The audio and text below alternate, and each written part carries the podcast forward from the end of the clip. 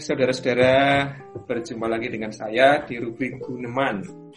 Di Guneman ini kita ngobrol-ngobrol santai tentang isu-isu yang sedang aktual. Nah, hari ini saya tidak sendiri, sudah uh, kawan lama saya, uh, namanya Santi. Diundangnya Mbak Santi, Mbak Santi. Santi wae. Nah, ini teman saya ini seorang pendidik atau pengajar yang saat ini tinggal di Surabaya. Ini arek Surabaya. Ya apa rek kabar rek? Surabaya enek corona ora? Akeh bang. Akeh coronane. Marake mumet. Oke. Tapi aman ya San ya? Aman. Supaya pendengar ini kenal Santi kenalan dulu. Monggo ini kesibukan sehari-hari apa? Supaya lebih akrab. Oke, terima kasih untuk kesempatannya. Kenalan dulu ya dengan saya. Nama saya Santi. Saya sekarang sedang mengajar di sekolah swasta di Surabaya. Dan wih, syukur banget loh diundang sama Mas Argo. Berasa kayak, hmm, makasih ya undangannya. Kehormatan banget loh. Nah ini kan mengisi waktu-waktu luang karena kegiatan gereja kan apa ya diliburkan atau dilaksanakan di rumah jadi yo aku jadi nganu saya kisan konten creator kayak Wih, mau rekaman video kan Waduh, sangat. karena aku tidak terlalu uh -uh. videogenik jadi ya sudahlah rekam suara saja wah Jan penditone keren tenan no. Nah ini boleh dilanjutkan tak kenalannya? Boleh, silahkan kenalan saya. yo kenalan sih yo, nanti tidak ada yang kenalan nanti bingung kan kenapa kok ada aku. Iya. Nah kemarin eh, saya ini sekarang lagi ngajar di Surabaya di sekolah swasta. Selain ngajar juga eh, sekarang gabung di komunitas guru namanya komunitas guru belajar Surabaya. Tapi komunitasnya ini juga macam-macam loh ada di berbagai daerah loh. Salah satunya daerah Pekalongan juga. Dan itu komunitasnya di Pekalongan waduh sudah ngundang Pak Ganjar sebagai bintang tamunya di YouTube kemarin. Iya. sangat. Aku malah nggak ngerti san komunitas guru belajar. Iya komunitas guru belajar Pekalongan namanya. Kok tak gula-gula info? Iya itu itu komunitasnya sudah banyak bikin konten, guru-gurunya juga sudah terlibat aktif bergerak membangun uh, pendidikan di Pekalongan juga pilot projectnya. Tahu nggak Pekalongan itu, GKJ Pekalongan itu sebagian besar warga gerejanya itu guru loh. Nah, Bu Menowo ternyata ada salah satu yang anggota KGB.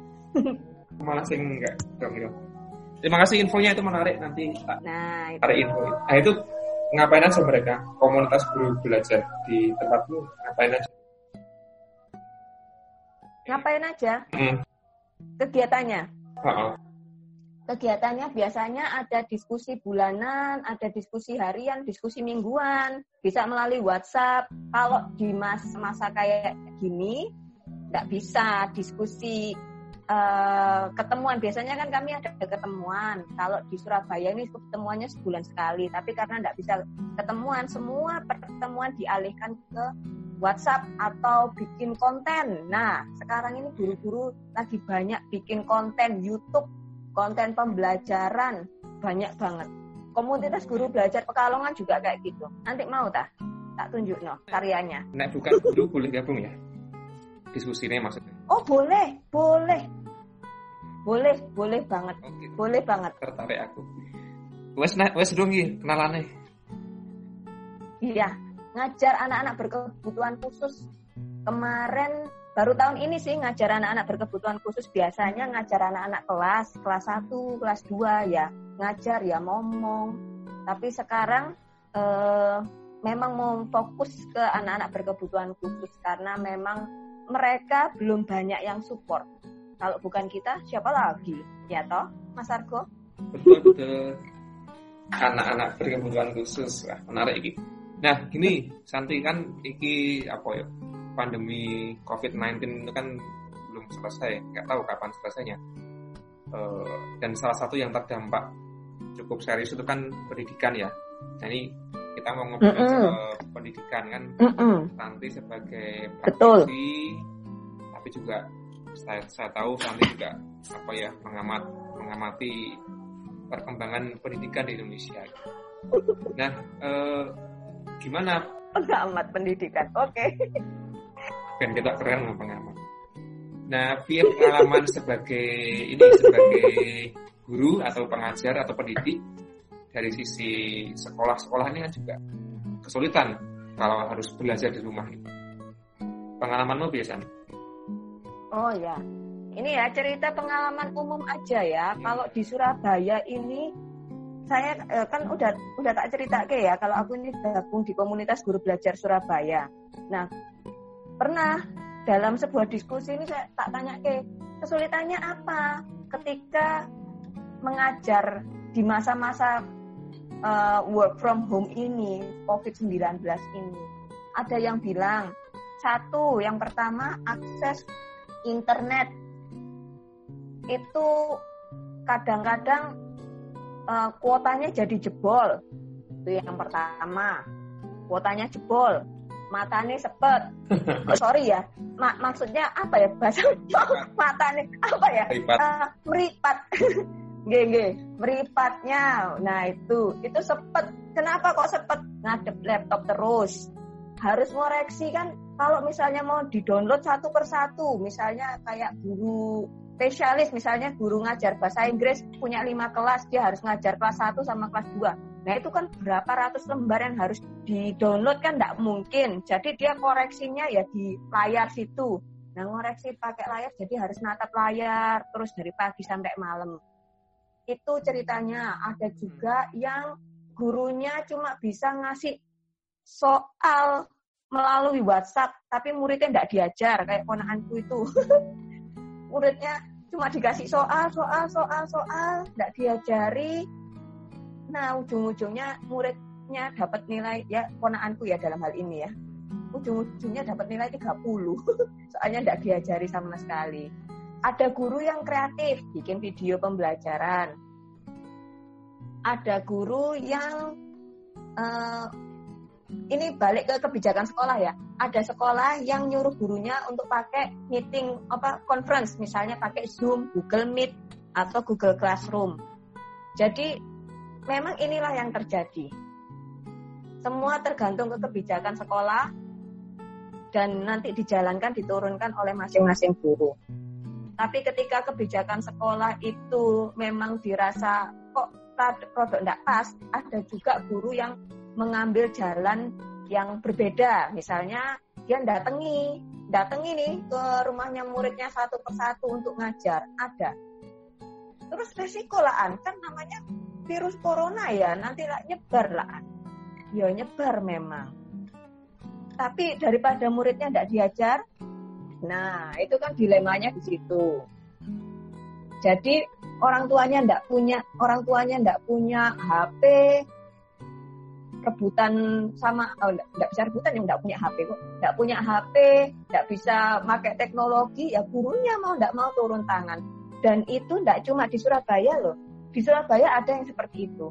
Di luar negeri eh luar negeri kadoan ya. Di luar kota di luar pulau banyak kalau dari cerita-cerita teman-teman komunitas guru belajar di Nusantara itu datangi muridnya satu-satu karena nggak bisa online ada juga yang memang menyerahkan pendidikannya ke anaknya itu lewat TVRI. Caranya apa? Lihat TVRI. Jadi mau gampang ya dilihat TVRI. Ada yang yang kayak gitu, enggak semua guru kayak gitu loh. Banyak guru yang mau usaha loh ya. Kalau yang punya TV ya? Ya, kalau yang punya TV. Enggak punya TV, aduh. Ya itu didatangi satu-satu. Ada ini nih, yang menarik nih ya. Ini menarik nih. Ada guru belajar di Sijunjung, Sumatera nih ya. Itu belajarnya melalui WhatsApp jadi gurunya itu kasih topik belajar melalui WhatsApp. Muridnya itu saya kan ya ikut gabung kok di komunitas guru belajar si Junjung untuk kelas-kelas ini ya. Itu anak-anaknya wah luar biasa. Belajar aktif di WhatsApp. Terus kadang-kadang yang ngajar bukan guru Tapi murid. Misalnya bikin kerajinan art, bikin bikin itu apa namanya uh, hiasan dari stick es krim, bikin maze, bikin rak buku dari kardus. Ini masalah pendidikan yang di satu sisi kesulitan kita ini memang tapi di sisi lain memunculkan banyak ide kreatif-kreatif dari guru, bahkan murid juga seperti itu. Ngetik, tapi ada yang melalui video. Jadi kadang-kadang ya nyampaikan melalui video-video YouTube disampaikan gitu. Terus nanti di endingnya dipakai project. Ini misalnya hari ini kalian tadi sudah belajar apa? Coba ditunjukkan melalui mind map. Nah, bisa melalui mind map atau melalui video hasil karyanya mereka yang mereka buat. Bayangin. Itu di Junjung ya, Sumatera. Berarti memang ini ya, kebutuhan utama kan infrastruktur karena belajar daring atau online. Betul. Seperti anak perangkat di HP kan gitu ya. Kan akan juga sing anak anak-anak. Mm -mm. Memaksa orang tuanya membelikan HP karena alasannya untuk belajar belajar daring gitu. Ya, ada ada juga anak yang gitu, harus betul. Ada sinyalnya, harus ada pulsanya dan sebagainya. Nah kan Indonesia nggak merata, jadi memang ini mengejutkan. Sih. Nah terus nih, mm -mm. kamu kan tadi ngajar di anak-anak berkebutuhan khusus dan harus belajar di rumah. Iya, Ibu Mm -mm. Kalau untuk ngajari anak-anak berkebutuhan khusus ini harus punya plan A sampai plan Z, nggak bisa cuma A, B, C, mentok. Kenapa kok dibilang mentok? Iya, karena kita tidak bisa nebak mereka ini nanti akan merespon seperti apa untuk pelajarannya. Kebetulan muridku ini anak yang mengalami gangguan konsentrasi. Gangguan konsentrasi, kenapa kok bilang seperti itu? Nah, wong di kelas aja diajar itu tak diajari maksudnya ya. Diajari aja kadang-kadang dia bisa lari ke sana kemari kadang-kadang pukul-pukul. Kalau pelajarannya sulit wah dipukuli. Kalau enggak nih tapi enggak mau cerita sedih ya. Enggak mau cerita sedih. Cuma gini uh, apalagi untuk pertemuan yang offline kayak gitu pertemuan langsung aja mereka mengalami kesulitan untuk belajar. Apalagi yang pertemuan online seperti ini jadi memang harus benar-benar cari cara supaya muridnya tetap bisa fokus untuk belajar. Kemarin di awal pertemuan itu waktu pakai Zoom, aku share screen, tiba-tiba dia ndak ada. Taunya dari mana? Ibunya langsung bilang, Miss, anaknya kabur. kan aku ndak bisa lihat ya kalau anaknya kabur. Ternyata dia lari ke sana kemari, mengelilingi ruangan. Nah, dari situ akhirnya diskusi sama orang tua. Ini maunya gimana ya? Enaknya gimana ya belajarnya? Jadi, diskusi sama orang tua, e, cara yang paling efektif untuk anaknya seperti apa? Terus kemudian e, planningnya kalau misalnya ini gagal harus pakai kayak gimana? Kalau ini gagal harus kayak gimana? Jadi meja ini sudah penuh dengan e, barang juga. Terus habis itu uh, di dalam kepala harus sudah siap nih kalau gagal tidak maksa. Ayo kamu mau anu ya tidak bisa tambah lari lah tambah dimatikan zoomnya jadi mau marah ya tidak bisa. Kita yang bujuk caranya. Bu, bukan berbohong. Bujuk itu artinya ngajak-ngajai ayo sini sini mis punya ini. Bukan bujui. Membujuk merayu. Nah merayu ngerayu ngerayu muridnya terus ini kan juga sing mumet orang mau sekolahan atau gurunya tapi juga orang tua gitu ya. Uh, yang biasa menemani harus nemenin, yang nggak bisa Betul. biasa ngajari harus ngajari. Yaitu kalau mm orang tuanya di rumah ada waktu gitu ya. Sedangkan banyak orang tua yang sibuk kan masih kerja dan sebagainya ya nasib anaknya gimana gitu. Belum lagi mindsetnya itu kan banyak yang masih pokoknya masalah ke urusannya pendidikan anakku ya yang sekolahan. Orang tua tinggal terima beres terima jadi ya. itu kan kadang-kadang setuju. uh, perlu di apa ya ya perlu dipikirkan lagi tuh. Nah nah dari sisi orang tua gimana gambaran-gambaran pergumulannya? Iya kalau yang untuk anak kelas kecil biasanya memang biasanya akan didampingi sama orang tua Kalau untuk yang kelas remaja sama SMA, SMK itu biasanya sudah dilepas sama orang tua. Nah, makanya lebih eh, biasanya yang protes ini banyak orang tuanya itu kalau tak amatin ya, itu lebih banyak anak-anak TK atau anak SD. Karena SMP biasanya anaknya sudah dibebaskan. Anak SD sama anak SMP. Nah, ini biasanya mumet nih. Kalau di sekolahku misalnya, anaknya ini ada kebetulan empat anak. empat anak sekolah di tempat yang sama. Berapa gadgetnya? Bisa dibayangkan. Nah, itu salah satunya. Terus kemudian mau nemani yang mana ini? Mau nemani cece-nya yang kelas 6 atau nemani adiknya yang kelas 1? Jamnya barengan soalnya. Itu kesulitan yang kedua. Jadi selain memperhitungkan masalah berapa gadgetnya, mau nemenin yang mana, juga caranya, cara ngajarnya ini kudu piye. Kalau aku pribadi kan ngajar anak kebutuhan khusus, mamanya kan memang menemani banget. Nah dari situ kita saling ngobrol, mamanya jadi tahu.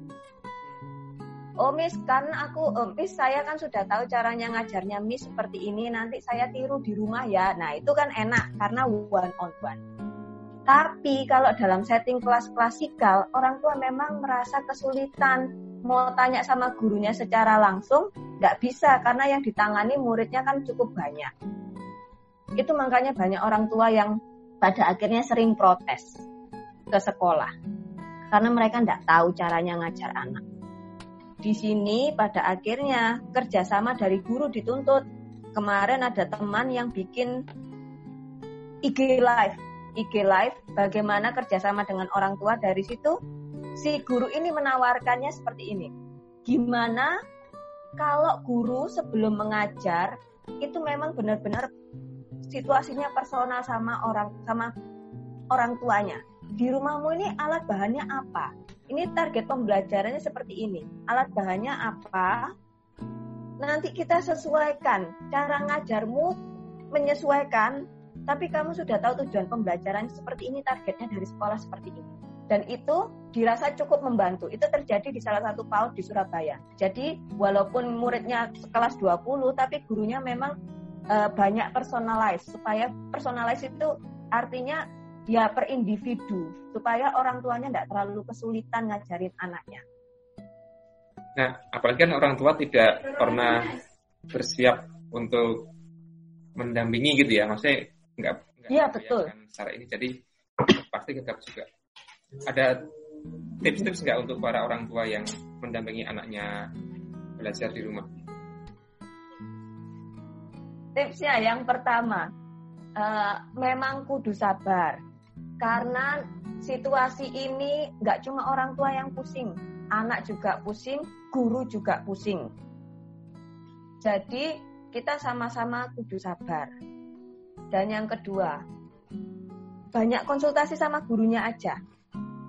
Tentang kesulitannya dan ketika konsultasi itu jangan nuntut kan ini kan tanggung jawabmu ya Bu ya. Kamu yang harus ngajar nih Bu guru ini kan harus ngajar. Enggak, tapi yang dikedepankan adalah cari solusi. Bu, ini di sini alat dan bahannya seperti ini atau aku sudah ngajari anakku itu modelnya seperti ini apakah bisa dimasukkan seperti ini?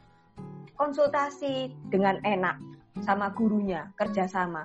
Seperti yang terjadi antara saya sama eh, antara diriku sama parentsku itu kita saling ngomong oh ini kesulitannya anaknya kayak gini nih.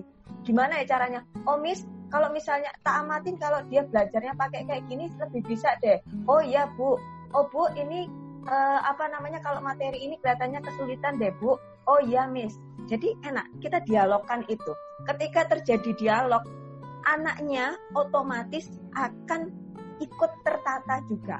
Kenapa? Karena dia anaknya tahu gurunya sama orang tuanya ini udah kerja sama nih. Jadi kalau mau mau mau mau misalnya mau mau melencang dari dari yang sudah disuruh nih, nih orang tuanya sama gurunya sudah komunikasi. Iya, yeah, iya. Yeah. Nah, jadi sabar dikomunikasikan. Komunikasinya nggak usah nuntut. Ini kan tanggung jawabmu ya guru ya, gitu. nggak usah ayo cari solusi sama-sama tenang aja komunikasi orang tua dengan si anak itu oh iya komunikasi orang lebih hmm. gampang dikasih tahu gurunya daripada orang tuanya kan ada yang begitu ya oh iya iya iya ponakanku juga kayak gitu. Lebih gampang dikasih tahu gurunya. Ketika dia kesulitan dia akan lebih tak percaya sama gurunya.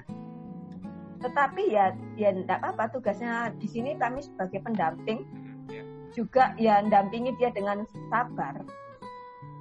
Seperti itu. Yang penting kan lagi ngobrol lagi konsultasinya enak orang terus ya betul. tidak menyalahkan satu pihak tidak menuntut. Ya ya jadi butuh kerjasama kan terus betul kerjasama betul. kita ini apa ya memprediksi atau menebak-nebak itu setelah ada sekian bulan studying from home ya belajar di rumah kira-kira setelah hmm? nanti virus corona berakhir akan ada perubahan apa?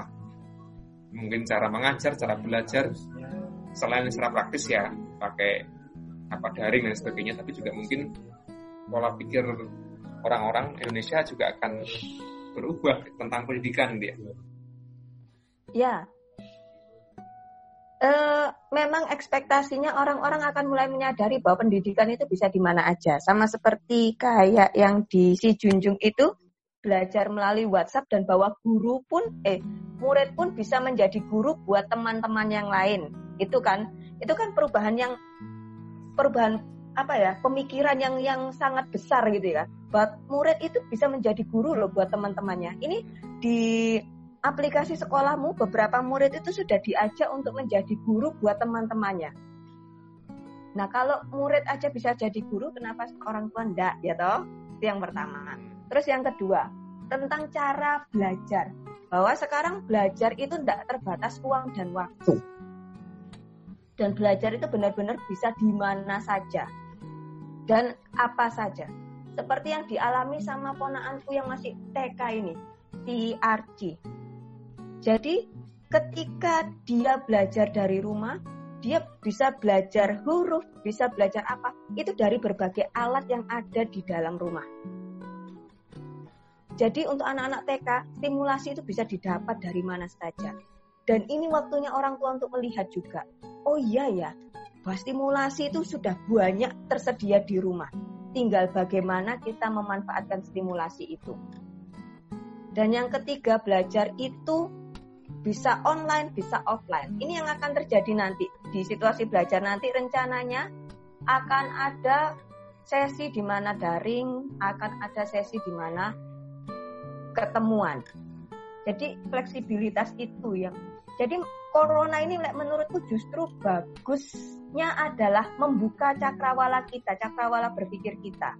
Iya, iya. Kalau misalnya uh, yang tadinya belajar itu harus ketemuan terus, ternyata enggak toh bisa melalui online. Berarti perubahannya itu uh, di tataran paradigma gitu ya bahwa misalnya oh murid juga bisa menjadi pengajar, guru bisa ikut belajar. Betul. Dua-duanya saling belajar. Betul. Tua juga uh, bisa. Lalu pendidikan Betul. Di mana saja dan kapan saja menggunakan Betul. perlengkapan sehari-hari yang dekat dengan kita. Dan ini kan perubahan paradigmatis ya apa perubahan apa sih bahasanya? perubahan cara pandang nah.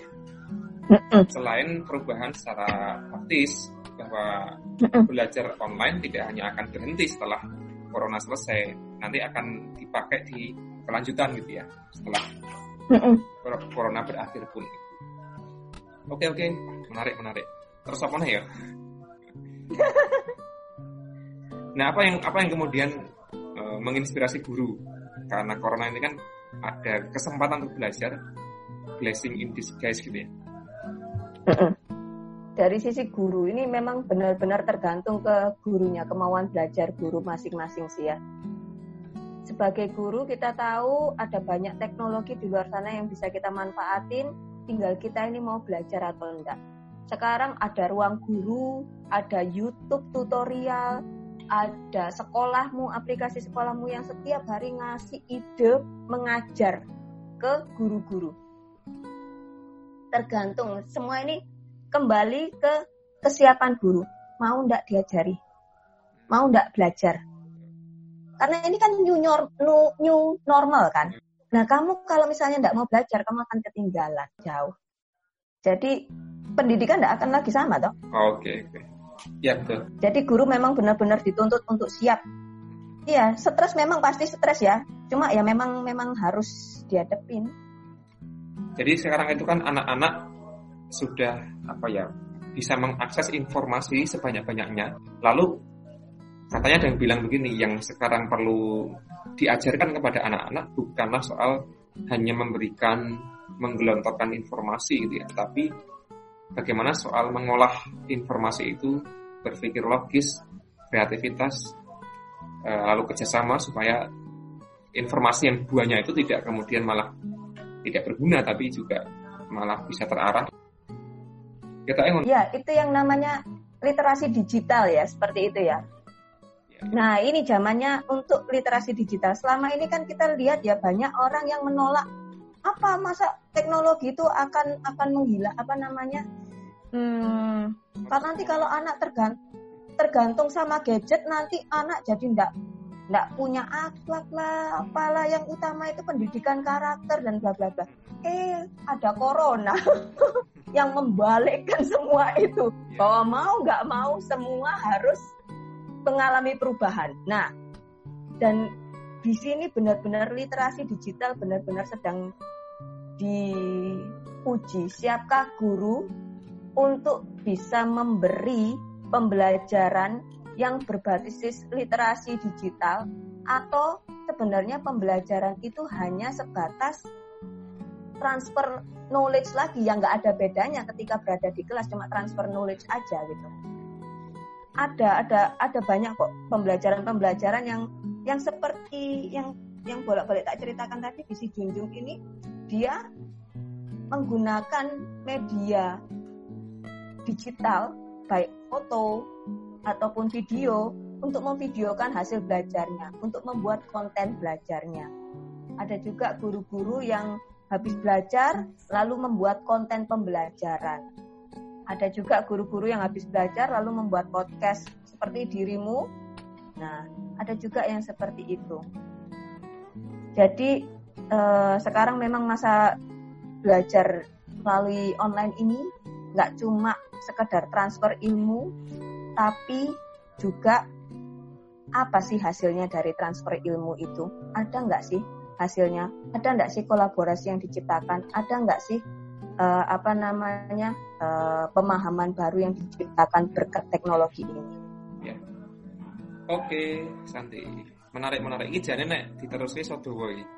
Tapi kan ini podcastku terbatas. Engko nek kedawan ndak sing ngrungok ya do ngantuk. Uh, mungkin lain kali kita sambung okay. dengan sesi berikutnya, sesi lain. Mungkin bahas topik lain atau masuk di dunia pendidikan. Oke. Okay oke oke siap. Nih pandeminya. Atau kalau nanti sudah berakhir pun ya kita masih bisa apa namanya bikin kolaborasi percakapan bareng gitu ya. Iya. Oke, terima kasih Santi atas waktunya. Uh, semoga percakapan ini semakin menambah wacana kita semua, termasuk aku juga belajar dan semoga bermanfaat bagi para pendidik maupun para orang tua, termasuk anak-anak yang mendengarkan. Iya, semoga bermanfaat. Semoga apa yang saya sampaikan ini bisa menjadi pemantik buat memahami isu-isu pendidikan gitu. Semoga gereja juga berperan untuk ke sana. Amin. Kita mohon kerjasamanya ya. Terima kasih loh sudah diundang loh. God bless you. God bless you.